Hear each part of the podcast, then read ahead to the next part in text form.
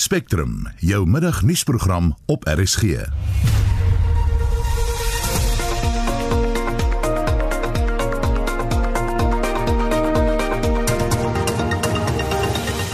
die program vandag.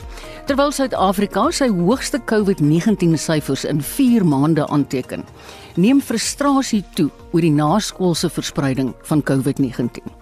Eers ouers moet my help om COVID onder beheer te kry want maak nie saak hoeveel keer ek saniteer in hierdie skool en hoe goed my sanitasieprogramme is nie. As die kinders in die aande na kuiers toe gaan, beteken dit niks. Ons het reaksie op Eskom se besluit om te onttrek uit loononderhandelinge. En inwoners van White City naby Kimberley is keelvol vir die hul wat in hulle huise instroom. Dit is al amper by vensterbank vlak. Alles se hele furniture word beskadig en dit is net 'n unbearable situation vir enige mens om in te lewe. Welkom by Spectrum. Die span in die ateljee is redakteur Marlenae Forsie en produksieregisseur Silwester Komani.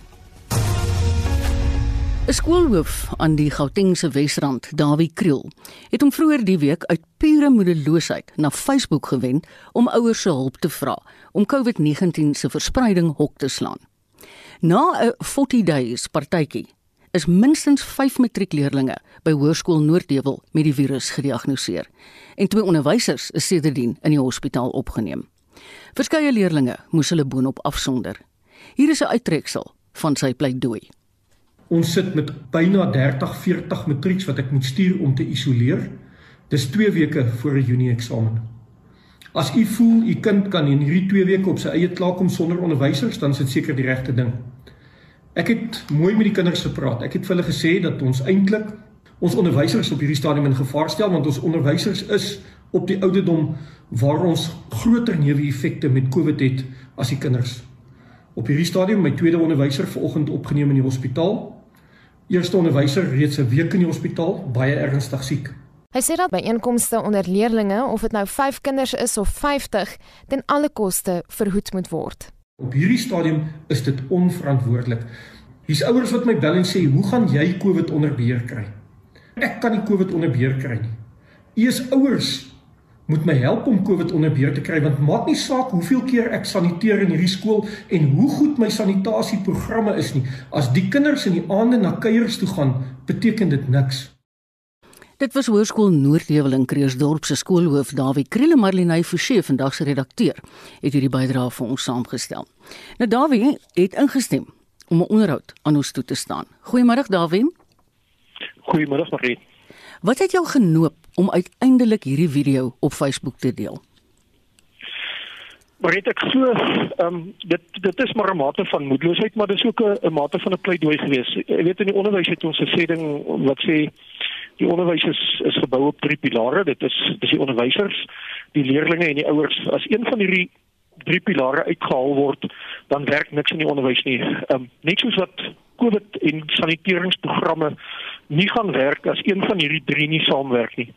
Um, op hierdie stadium doen skole in Suid-Afrika alles en ons onderwysers is is erg blootgestel. Ons doen regtig alles om te sorg dat ons kinders so veilig as moontlik bly. Maar ons as onderwysers kan nie verantwoordelikheid vat vir dit wat gebeur in die middag na skool nie. So dis 'n pleidooi by ouers om saam te werk, hande te vat en in die skole se hande te versterk um, deur verantwoordelik op te tree. Um, as dit kom by hulle kinders. En hoe is hierdie boodskap van jou ontvang? Dit is baie positief ontvang. Ek dink as jy op ons skool se Facebook Facebook bladsy gaan kyk, dan is 99,9% van alle kommentaar is geweldig positief. Um, ons by Noordheuwel is, is geweldig gelukkig dat ek ek het 'n ouer korps wat wat regtig met die skool saamwerk. Um, ons is ons is baie bevoorreg om hierdie tipe ouers te hê en en ook om om ouers te hê wat my so groot ondersteun. Um, ek is baie dankbaar vandag as ek hier sit want jy weet so 'n boodskap kan maklik 'n klomp negativiteit van ouers af ontketen het, maar my ouers en ouers reg oor die land ondersteun die skool want ons besef hoe belangrik die situasie is. Hoe gaan dit nou met die leerders en die onderwysers wat siek is? Marita die leerlinge, daar's min leerlinge wat wat ernstig siek word en en ek dink dit is wat 'n statistiek in Suid-Afrika maar vir ons wys op hierdie stadium. In die derde golf wat ek wel kan sê daar's meer leerlinge wat geïnfekteer word, maar die leerlinge self is nie ernstig siek nie. Ehm um, wat wel gebeur is dat my onderwysers wat in die hospitaal is, die twee twee manne wat in die hospitaal is, ehm um, een van die mans is gisterand oorgeplaas na ICU toe, mm. maar vanoggend het ek 'n boodskap van hom gekry wat sê dat sy suurstofvlakke beter is en dat dit beter gaan met hom, so ek is dankbaar om te sê dat dit goed gaan met al twee die onderwysers in die hospitaal. Daarby ervaar jy dat ander skoolhoofde en onderwysers deel in jou frustrasie oor hierdie kwessie. Definitief Marita, want ek het ek het boodskappe gekry gisterand van oor reg oor Suid-Afrika waar onderwysers vir my boodskappe stuur en sê baie dankie meneer, baie dankie dat jy dat jy reguit praat, dankie dat jy die probleem aanspreek. Um, ons is uitgelewer in die onderwys. Ons is uitgelewer um, want ons probeer regtig alles maar ons het die samewerking van die gemeenskappe om ons nodig en as ons nie daai samewerking het nie dan dan sit ons onderwysers sit letterlik met ons hande in ons hare elke dag um, want ons moet voor klasse staan ek moet elke dag van my onderwysers vra gaan staan voor 'n klas van 20 of 30 kinders. Ehm um, baie van my onderwysers is is ouer onderwysers al. Ehm um, so hulle moet hulle self blootstel elke dag. So ja. dit is regtig dis 'n frustrasie. Ons het nou in die vorige insetsel gesê dat dit gebeur het nadat daar 'n 40 days partytjie gehou is. Is dit die rede hoekom dit so belangrik is dat ouers aanspreeklik gehou word? Miskien as hulle nie die kinders laat gaan het nie. Was jy nie vandag in hierdie posisie nie? Dit is definitief so. Um, dit is definitief so en ek, en ek sê weer ons moet albei elke party moet verantwoordelikheid aanvaar. Ek moet verantwoordelikheid aanvaar vandat die kinders 7 uur by my in die skoolgronde inkom tot wat hulle 2 uur uitgaan by skoolgronde aanvaar ek volle verantwoordelikheid dat alle COVID protokolle binne die skool gehandhaaf word. Maar daarna moet ouers verantwoordelikheid aanvaar vir hulle kinders want van daar af gaan kinders huise toe. Ouers moet weet dat dit 'n verskriklike dringende situasie is dat ons nie meer ons kinders na enige kuiers toe kan laat gaan nie want dit affekteer nie net vir my en my huishouding nie dit affekteer talle huishoudings daar buite want daai kind kom môreoggend terug binne 'n skool van 2000 kinders en hy kom infekteer weer hmm. ander kinders. Hy kom infekteer onderwysers. So dit gaan nie meer net oor my en my huishouding nie. Dit gaan oor veel meer as dit. Dawie wat is jou boodskap aan leerders en hulle ouers landwyd Ek dink my boodskap is net dit dat dat wat ek geleer het uit hierdie derde golf uit is dat dit baie erger is as wat wat die eerste en die tweede golf was. Ehm um, daar is baie meer leerders wat geïnfekteer word. Ons sien in in laerskole dat graad 1 leerders geïnfekteer word wat in die eerste en tweede golf glad nie gebeur het nie. Ehm um, ek dink ons moet die situasie baie ernstiger opvat. Baie dankie vir jou tyd. Dit was die Hoërskool Noordheuwel aan die Gautengse Wesrandse skoolhoof Dawie Kriel. 12 minute oor 12. Ons bly op die skoolgrond. Die kwessie van boeliegedrag is die afgelope tyd baie in die kollig. Die veteraan uitsaaier Jeremy Maggs het in sy onlangs gepubliseerde boek My Final Answer eerlik geskryf oor hoe hy op skool afgeknou is. Another pupil thought it was great fun during classroom changeovers to steal my bag and my lunch, toss it into a bin and clip me around the ears. Not too long ago, I bumped into this cretin and his children, and I was introduced as Dad's best friend at school. I desperately wanted to call him out, but decades later, my legs filled again with jelly, and I just wanted to run. Mags het die bespreking van afknouery in skole in die nasionale vergadering verwelkom. I think the fact that bullying is now being put on an agenda is absolutely critical. I know we live in a country where there are myriad problems, and I get that and I understand it. But having experienced firsthand bullying, not only at school, but also when I did my national service, and also when I was in the workplace, I can tell you right now, it is a hidden problem in this country and one that needs as much attention as possible. Hy skryf openhartig in sy boek dat wanneer iemand afgeknou word, soek hy of sy iemand anders om af te knou. Well, that's exactly what happened to me to my great shame and chagrin. I was at school and the first thing that you do, I think in any relationship of abuse is to turn on someone who is weaker than you simply to vent your anger, your rage, your frustration. And that is something that I've got to live with for the rest of my life. Hoe wis 'n mens afknouery uit? If you ask me how to solve it, and there's nothing worse than being in journalism and you put a question to someone and they turn around and say, Well, we need more education. But I'm afraid that's the answer that I'm going to give you. I think it's an issue that needs to be ventilated. I think it's an issue that needs to be spoken about at school. I think it's an issue that needs to be addressed with parents.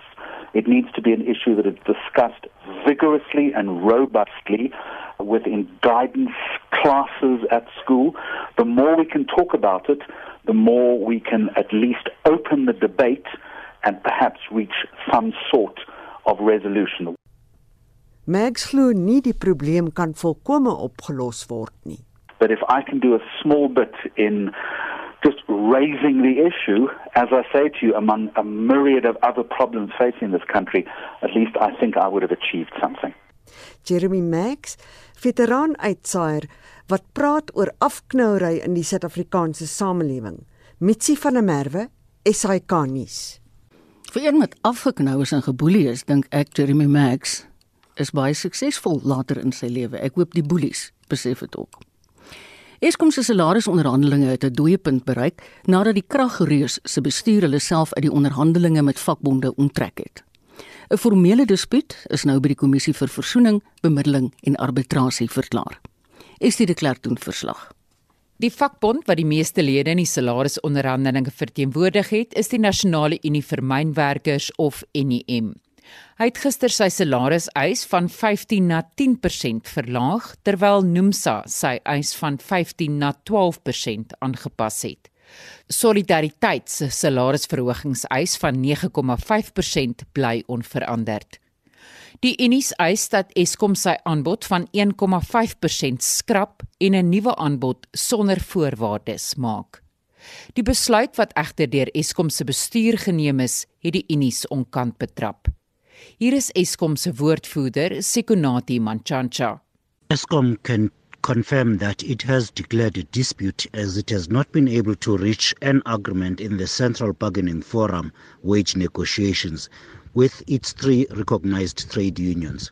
Eskom hou voet by stuk dat die Unie se eise buite bereik is. Eskom has clearly demonstrated that these demands are unaffordable for a company that relies continuously on taxpayer cash bailouts to maintain its going concern status. Die woordvoerder van NEM, Kangela Baloyi, sê hulle is geskok deur Eskom se optrede. Eskom has declared dispute and we view that as a, a declaration of war and that Eskom is refusing to bargain because we are only on the first day of the round three. Already they're declaring dispute, which means we are going to the to the CCMA uh, and finish the negotiations there. But we saw it that from the beginning, they, they wanted to collapse these negotiations. But now we need to inform everyone that we are back to our original demands of 15% and all other elements. Die dispuut sal nou vir die volgende 30 dae by die kommissie vir versoening, bemiddeling en arbitrasie bemiddel word. As geen ooreenkoms bereik word nie, reik die KVBA 'n sertifikaat uit wat die unies in staat stel om met 'n wettige staking te kan voortgaan. Maar Eskom werknemers mag nie staak nie omdat die kragrees as 'n noodsaaklike diens geag word. Intussen het 'n onafhanklike ondersoek bevind dat Eskom se bestuurshoof, Andrei De Ruyter, hom nie op 'n manier gedra het wat op rasisme neerkom nie.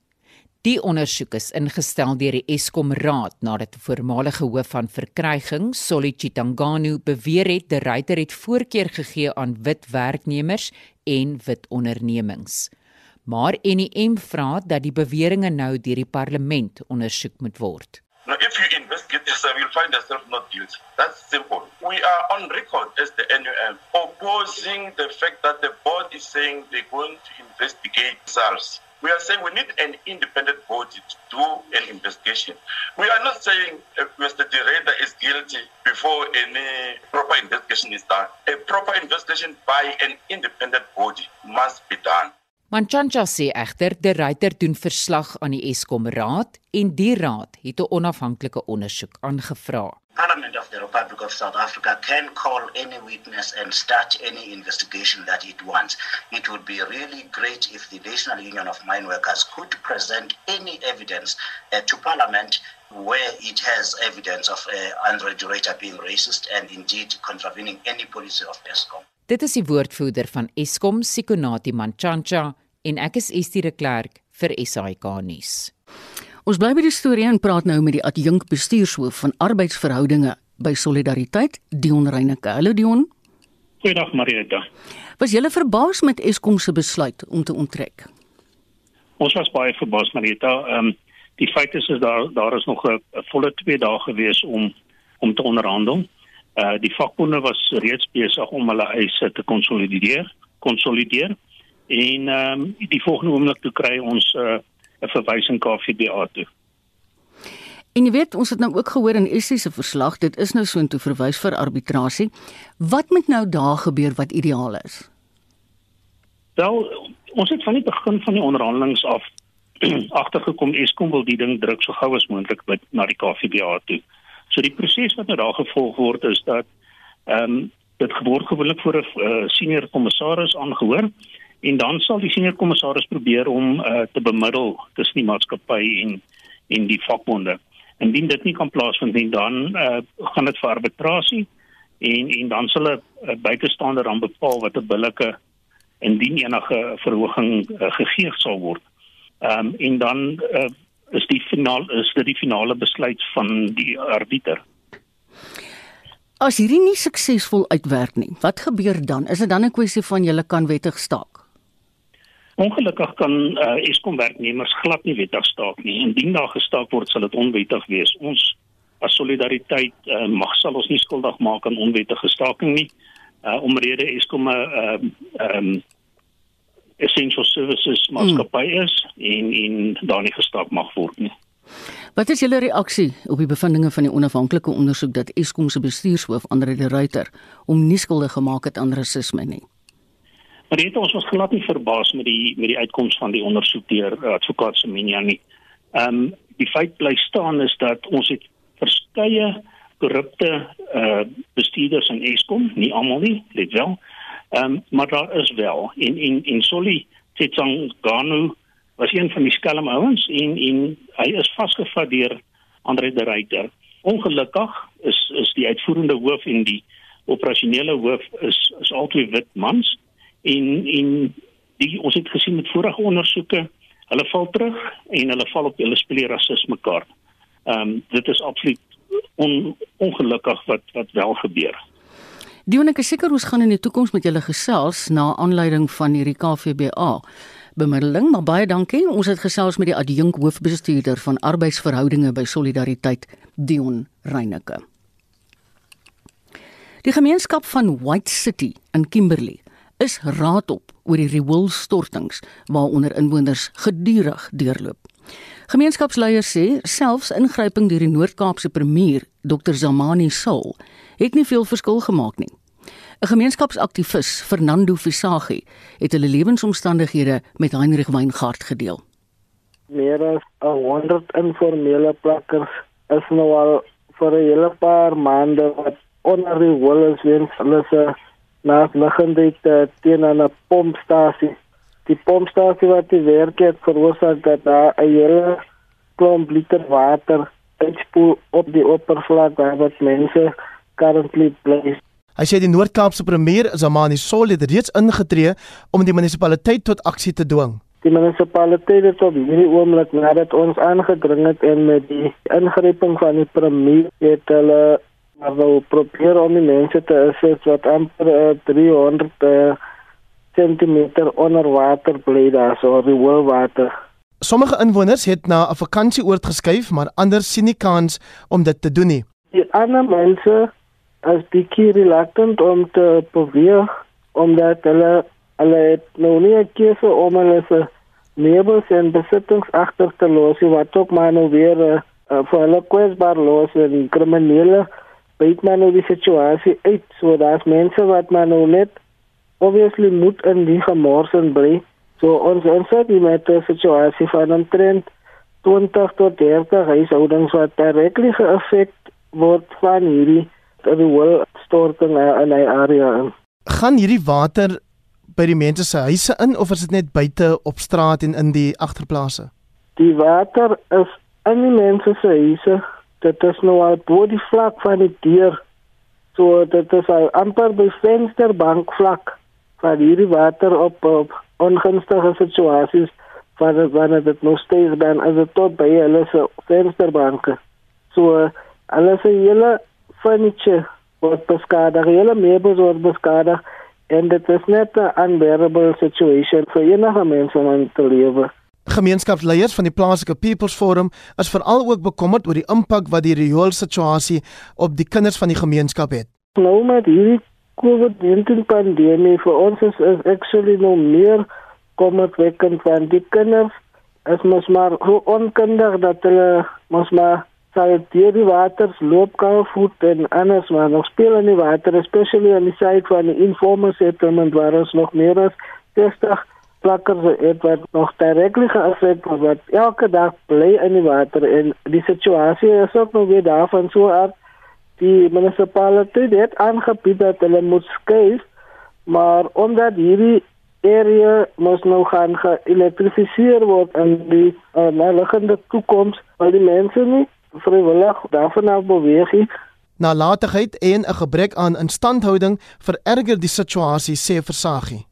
Ek sal vir 'n voorbeeld gee van ons uh, wastewater treatment plant. Dit is 'n multi-million rand projek wat 'n upgrade gekry het in 2009. Oor 100 miljoen rand was daar bestee om my pompstasie uh, die wastewater treatment plant uit te sort. Maar uh, na paar jaar uh, sit ons met 'n skade van 40 miljoen rand se kabels wat gesteel is en dit het toegelaat dat die pompstasie glad nie werk nie. Die hele die wel uh, fasiliteit uh, processing uh, faciliteit at 0% functional. That is all due to negligence the Salt Lake municipality is not taking responsibility of critical infrastructure. And one can question whether it might be an act of deliberate sabotage or se securities doen net hulle se werk nie. Dit was Fernando Versaghi, 'n gemeenskapsleier van White City in Kimberley. Hendrik Weingart vir SAK nuus. Jy luister na Spectrum, dis nou 27 minute oor 12. Ons bly by diensleweringkwessies. Johannesburg Water sê beurtkrag sal aanhou om sy vermoë tot ononderbroke watervoorsiening te affekteer. Dit nadat Eskom vlak 2 beurtkrag tot 10uur môre aand ingestel het. Foutiewe opwekkingseenhede by die Majuba en Arnold kragstasies word hiervoor blameer. 'n Aantal hospitale in die stad sit intussen steeds sonder water. Weer Heinrich. Inwoners van Johannesburg moes die afgelope paar dae nie net die ysige winterkoue trotseer nie, maar ook beurtkrag en daarmee saam om in sommige gevalle tot 24 uur sonder water te moet klaarkom.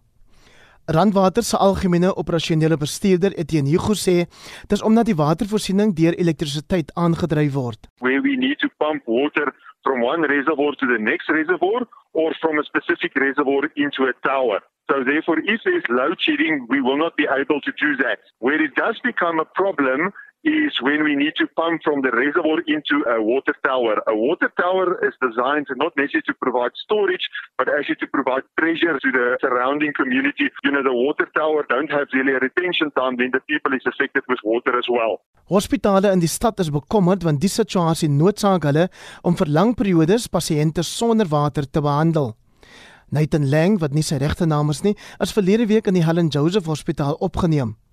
Hy sê dit was vir hom 'n vreesaanjaende ervaring omdat daar net 'n beperkte hoeveelheid water beskikbaar was te midde van die COVID-pandemie. The toilet stink to hell and high heaven again. Nobody's got answers of me physically opening a tap and you can see the water is not coming out. The toilets can't flush and that's actually a very unhygienic situation. They give you a 500 milliliter water bottle. You're supposed to flush the toilet and wash your hands with that.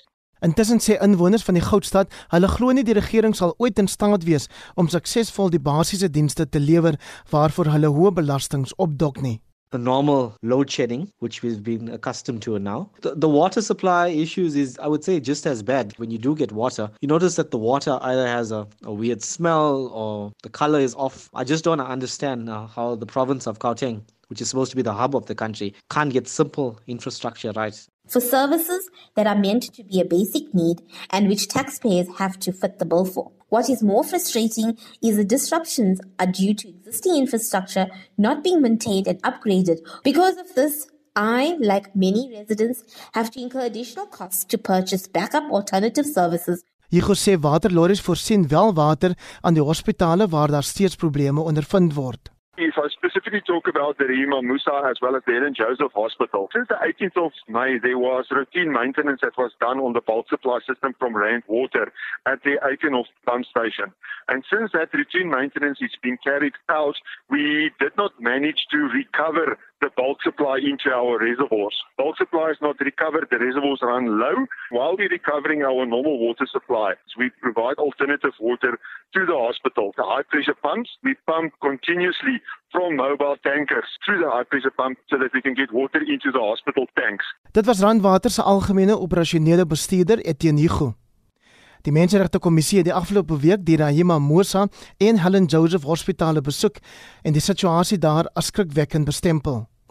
Soos wat die krane in dele van Johannesburg opdroog, word inwoners gewaarsku dat sake kan vererger. Prabasni Mootli het hierdie verslag saamgestel. Hendrik Weingart vir SAK nuus.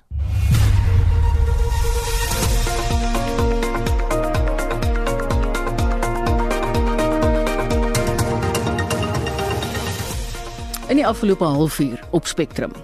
'n Pleidooi word aan leerders en ouers gerig om te help in die stryd teen COVID-19. Wat ek geleer het uit hierdie derde golf uit is dat dit baie erger is. Daar is baie meer leerders wat geïnfekteer word. Ons sien in laerskole dat graad 1 leerders geïnfekteer word wat in die eerste en tweede golf glad nie gebeur het nie. Ons moet die situasie baie ernstiger opvat. Later in die program hoor ons hoe die landbousektor sy skoene kan volstaan na 'n buitengewone suksesvolle jaar in die bedryf.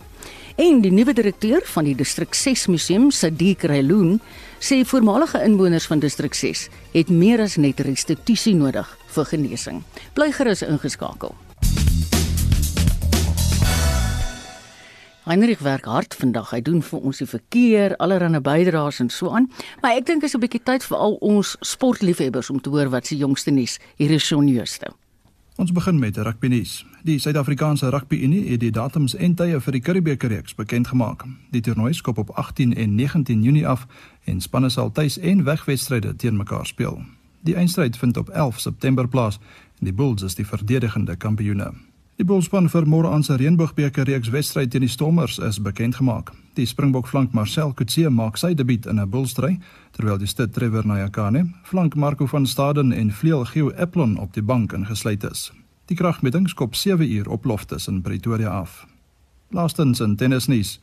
In die tweede ronde van die Franse Ope in die mansafdeling kom Suid-Afrika se Lloyd Harris vandag teen die Brit Cameron Norrie, die eerste gekeerde Novak Djokovic van Servië teen Pablo Cuevas van Uruguay die agste gekeerde Roger Federer van Switserland teen Marin Cilic van Kroasie en die verdedigende kampioen Rafael Nadal van Spanje teen die Fransman Richard Gasquet te staan. In die vroue afdeling stap die eerste gekeerde Ashley Barty van Australië teen Magda Net van Pole. Die nommer 5 van Oekraïne Elina Svitolina teen die Amerikaner Ann Lee. Die Tsjeeg en nommer 9 Karolina Pliskova teen nog Amerikaner Sloane Stevens en die verdedigende kampioen Iga Swiatek van Pole teen Rebecca Peterson van Swede op die baan uit. In die tweede ronde van die mans dubbelspel afdeling meet Suid-Afrika se Ryan Klassen en sy spanmaat van Japan Ben McLaughlin teen die Aussies Luke Seville en Max Purcell kragte. Jody Hendricks het nog sportnuus in Spitstyd. En dit was Shaun Jooste. 'n Baie interessante storie oor die landbou, die grootste afname in die ekonomie van die land is verlede jaar aangemeld en dit is as 'n mens dit op 'n jaar tot jaar grondslag vat. Vir 74 jaar was dit die laagste jaar. Maar ten spyte hiervan het die landbousektor besonder goed gevaar. Volgens Statistiek SA het die landbousektor met 13,1% toegeneem in 2020. Is dit 'n klerk doen verslag. Sommige boere glimlag breed. Die mielie en sonneblomoes op die lande lyk besonder belovend die jaar nadat die reën mildelik uitgesak het op presies die regte tyd. Maar dis nie net die boere wat so breebors staan nie. Netbank se hoof van kliënte waardeproposisie vir landbou, Kobus de Bruin, sê die landbousektor kon oor die algemeen die ekonomiese storm trotseer. As mens kyk na die BBP groeikoers vir Suid-Afrika, het dit in die tweede kwartaal van 2020 op -52.4%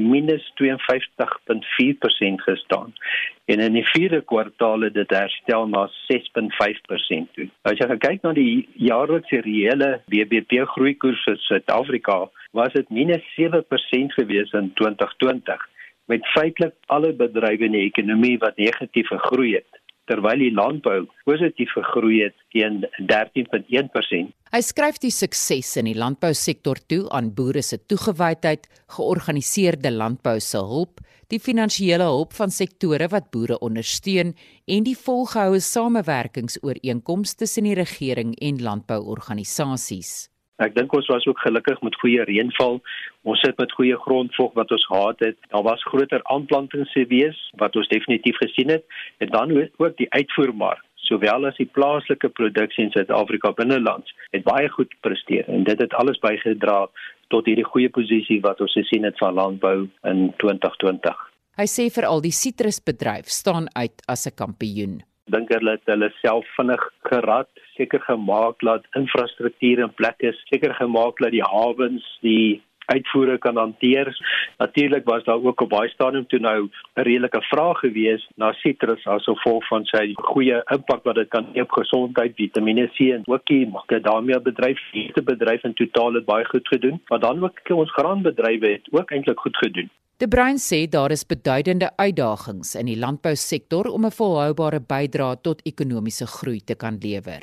Jy moet 'n stabiele beleidsomgewing hê, anders kan dit regtig probleme vir ons skep. Transformasie, grondhervorming is belangrike punte wat ons moet regkry en ek dink baie word reeds gedoen in die verband en jou sien regtig uit na dit wat in proses is om te gebeur. Nuwe markte vir ons uitvoere is nodig as gevolg van konstante en, verhoogde produksie. Wat ons sien, ons infrastruktuur, ons paaie en hawens benodig baie aandag en ons moet dit regkry. Hy sê kommerheers oor die dalende arbeidsmark en ook elektrisiteitsverskaffing. Volgens hom kan volhoubaarheid in die landbousektor op verskeie maniere verseker word.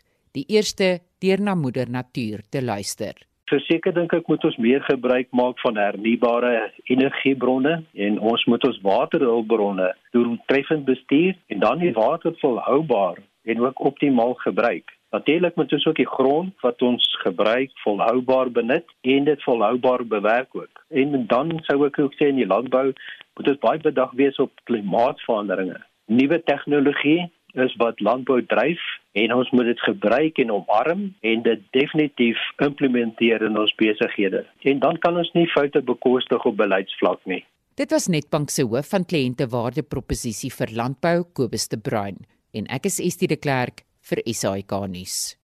En nou skuif ons na ons buurland. Die Wêreldbank skat dat Zimbabwe bykans die helfte van sy jaarlikse BBP van sowat 21 miljard dollar aan onwettige finansiële bedrywighede verloor. Dit sluit in korrupsie, belastingontduiking en smokkel. 'n Verslag deur sommige van Zimbabwe se topdenkers verbind die land se politieke en sake elite aan baie van die misdaad. Darren Taylor berig. Die 64 bladsy verslag is getiteld Cartel Power Dynamics in Zimbabwe. Die uitgewer is Suid-Afrikaanse menseregte aktivis Mark Haywood, ook van Maverick Media. The report was written and researched in Zimbabwe, but it had to be published outside of Zimbabwe and it had to be published anonymously because the authors of the report, academics and activists, were fearful that publishing this report would bring upon them the wrath of the Zimbabwean state. And I think that the very fact Hey would say natuurlik is die verslag se skrywers bang opdat die Zimbabwese regering sy kritisie vir dekades al in die gevangenis gooi, martel en selfs doodmaak.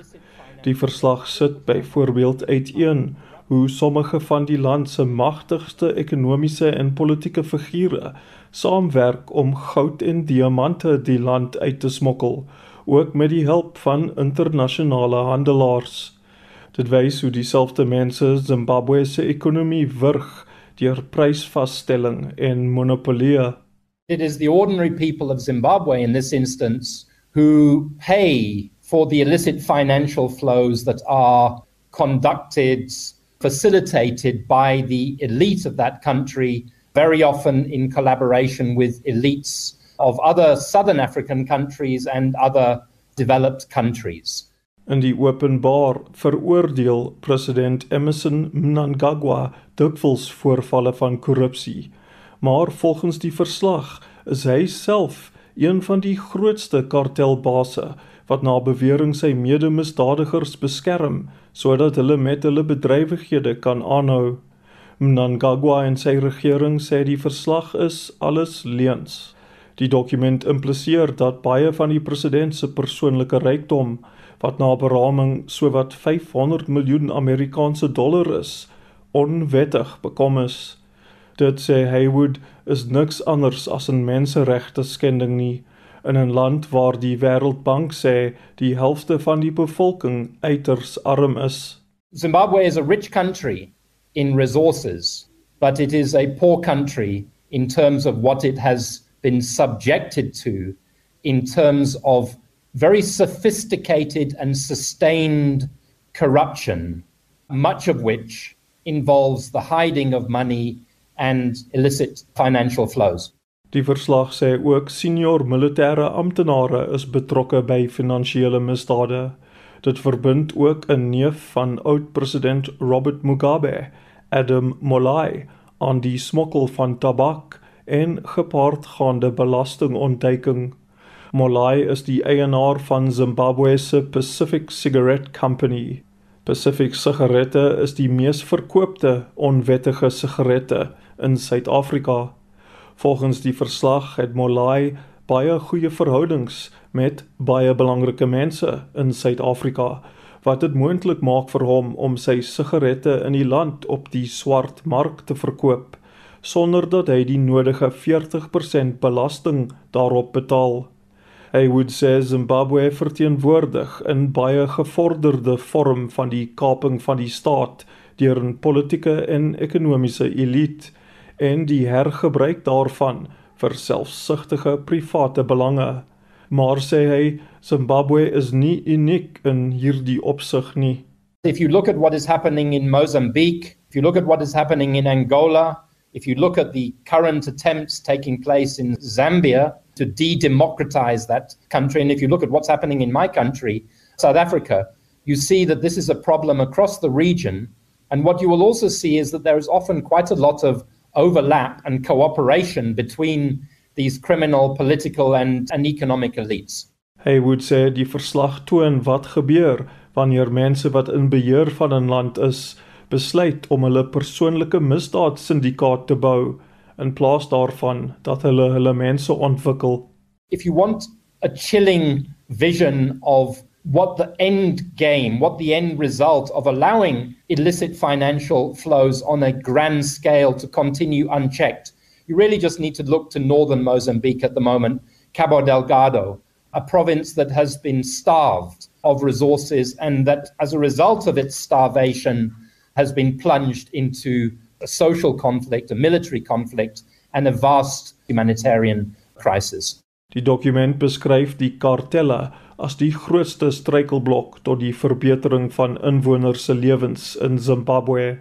Dit sê in Zimbabwe, sowel as regoor Afrika, is onwettige finansiële transaksies besig om demokrasie en skoon regering te ondermyn en om te sorg dat die kriminele politieke elite mag behou. Ek is Darren Taylor in Johannesburg. As ek so luister na Darren se storie, dink ek nie ons moet net die vinger na Zimbabwe toewys nie. Die nuwe direkteur van die Distrik 6 Museum, Sadiq Reloon, is van mening dat voormalige inwoners van Distrik 6 meer as net restituisie benodig om te genees. Te genees. Rayloon sê 'n sogenaamde dialoog van vrede moet geskep word om die ongeregtighede van die verlede reg te stel.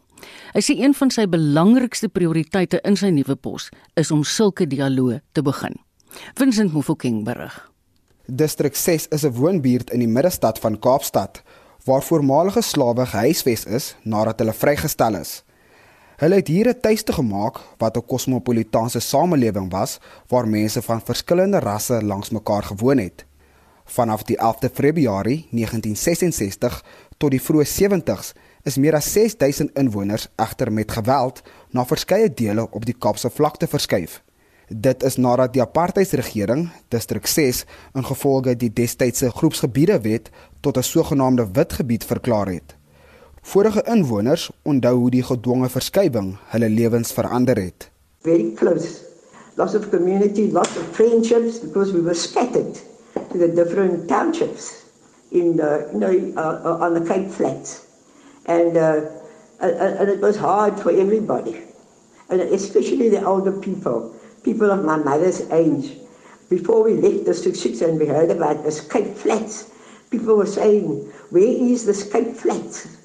What have we done? Why do we have to leave? Parents, they were very complacent.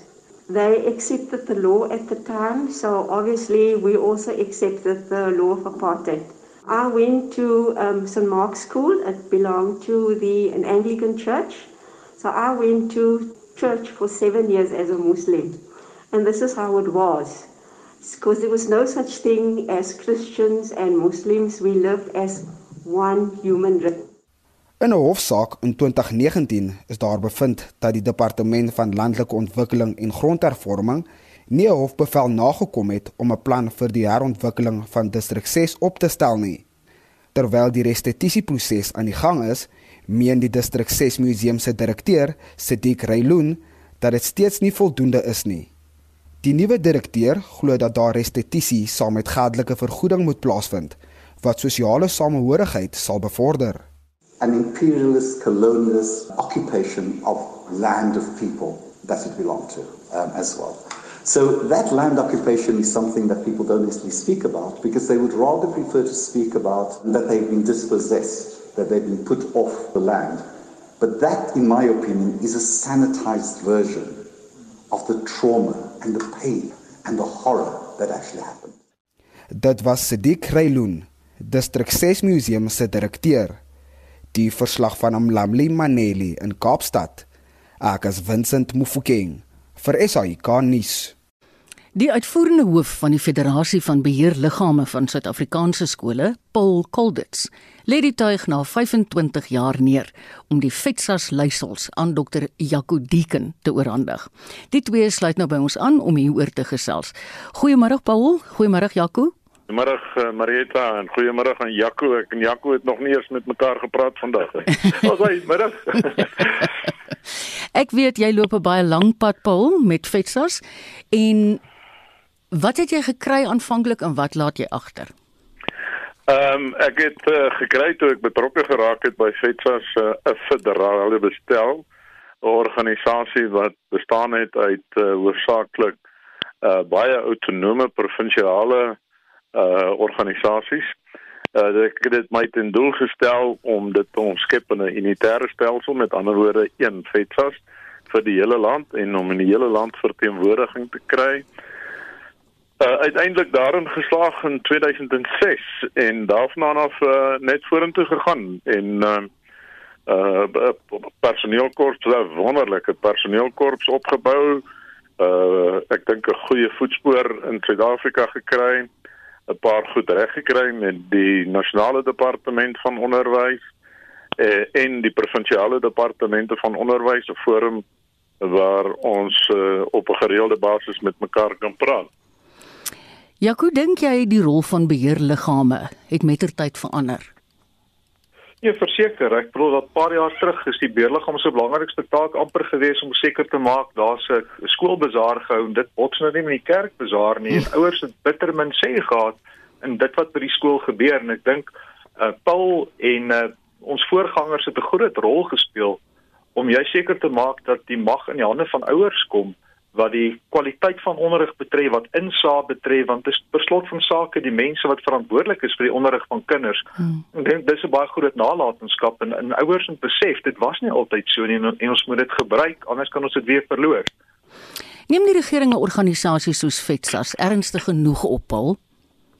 Ja, nee, uh, absoluut. Uh, ons het gister byvoorbeeld ek en Jaco saam en 'n paar van ons uh, uitvoerende uh, amptenare in FETSAS 'n uh, vergadering gehad met die departement. Ons het kwartaalliks minstens vergadering met hulle na aanleiding van uh, forum wat uh, ons gestig het wat ek in 1998 reeds aan die destydse uh, minister van onderwys professor Sibusiso Bengu voorgestel het. Hy het ingekoop. Ons het dit tot stand gebring uh en hulle luister na ons. Hmm. Hulle uh, hoor wat ons sê. Uh baie keer was dit uh nie maklik om die deur oopgemaak te kry sodat hulle sal hoor wat ouers en wat FETSAS by name sê nie. Maar soos Langehoven gesê het, jy weet 'n uh, hond wat bewys het hy kan byt, hoef die volgende keer net te blaf. So ons moes dit klomp kere byt. Ons ons moet dit klomp kere byt en en nou wanneer ons blaf word daar verseker geluister sonder enige twyfel. So sê Paul Colditz, uittredende uitvoerende hoof van FETSAS en sy opvolger Dr. Jaco Deeken. En baie sterkte vir jou Jaco. Ons sal in die toekoms lekker met jou gesels. Opsomming van ons groot stories van die dag gee. Intussen het Heinrich vir ons 'n paar SMS'e gekry met reaksie op die op die program wat ons vandag uitgesaai het. Heinrich, hoe lyk dit vir my? Is daar reaksie op watter storie veral? Veral Marietta op die storie of die onderhoud wat ons gedoen het met die skoolhoof Dawie Kriel van die Hoërskool Noordheuwel hier in die Gautengse Wesrand. Hy het op Facebook 'n beroep gedoen op ouers om asseblief hulle kinders by die huis te hou en so te help by die bekamping van COVID-19 omdat daar van sy onderwysers is wat baie siek raak. En dan eh, laat weet een van ons luisteraars, ek stem 100% saam met Dawie, die probleem lê by waar kinders na skool is en dit is beslis die ouers se probleem. Iemand anders sê ek woon in 'n woonbuurt wat omring is met 6 hoërskole. Ek hoor daagliks hoe hierdie kinders partytjies hou met die hulp en die ondersteuning van talle ouers wat self daai reëlings tref. En jy kan ook van jou laat hoor by 45889 teen 150 elk. Dankie Hendrik. Kom ons is nou weer terug by Armand de Beer. Ekskuus Armand, ons het jou so in in die lug verloor. Glad nie 'n probleem nie. Goeiemiddag en middag aan die luisteraars. Op die valuta markte is die rand op sy sterkste vlak in meer as 2 jaar en verhandel tans R13.55 teenoor die dollar, R16.52 teenoor die euro en R19.25 teenoor die pond. As ons kyk na kommoditeite, staan die goudprys tans op 1895 dollar per fyn ons.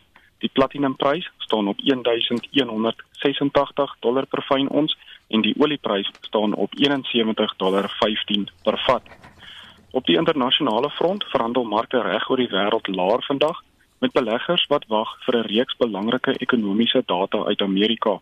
Hierdie ekonomiese data kan verdere duidelikheid gee oor die vraag of die vinniger as verwagte tempo van ekonomiese herstel volgehou kan word en wat dit beteken vir monetêre beleid vorentoe. Tans verhandel die FTSE 100 0,9% laer, die Franse CAC 40 verhandel 0,4% laer en die Duitse DAX verhandel 0,5% laer. Op die plaaslike front daal ons mark ook vandag en die JSE algehele indeks verhandel tans 1,3% laer op 68120 punte. Onder die swaargewig maatskappye daal Naspers en Prosus beide met 2,5%, Richmond verhandel 1,9% laer en beide British American Tobacco en Anheuser-Busch daal met 1,5%. Dit is 'n stil dag wat maatskappynuus betref. As ons kyk na die indekse, verhandel die Hulbron indeks 1,5% laer met beide BHP Group en Glencore wat 1,3% laer verhandel en Anglo American plc daal met 2%. Die nywerheidsindeks verhandel 1,7% laer en die finansiële indeks daal met 0,3%. Onder die wenners vandag styg Massmart se aandeleprys met 2%, Life Healthcare styg met 1,8% en onder die eiendomsmaatskappye verhandel beide Growthpoint en Resilient met 1,5% hoër. Onder die verloorders daal Telkom en Sappi beide met 2,8% African Rainbow Minerals verhandel 2,5% laer en Anglo Gold daal met 2,4%. Dis al van my kant af en daarmee die einde van die sake nuus.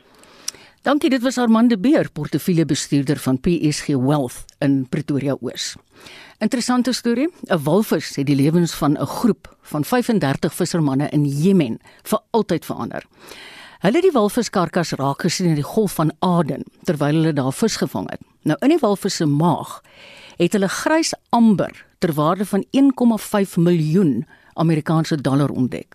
Dis so 'n wasagtige stof wat as afskeiding ontstaan in die ingewande van 'n walvis wat in die tropiese see voorkom. En dit word gebruik veral in die vervaardiging van parfuum om die reuk behoue te laat bly. Man, die vissermanne het die geld gelykop tussen hulle verdeel en hulle het geld gegee aan diegene wat hulle met die walvis gehelp het en ook uitgedeel aan mense in hulle gemeenskap wat deur erge hongersnood geraak word. Is dit nou nie 'n lekker storie nie? Dankie namens ons almal hier in die ateljee, die redakteur Marlenae Forsie, produksieregisseur ehm um, Silvester Komani en ek moet vir julle sê, julle gaan die res van die middag geniet in die geselskap van RSG want 360 lê voor en hulle wag met die 1 uur nuus vir julle en later vanmiddag het ons spitstyd. Mooi loop en warm bly.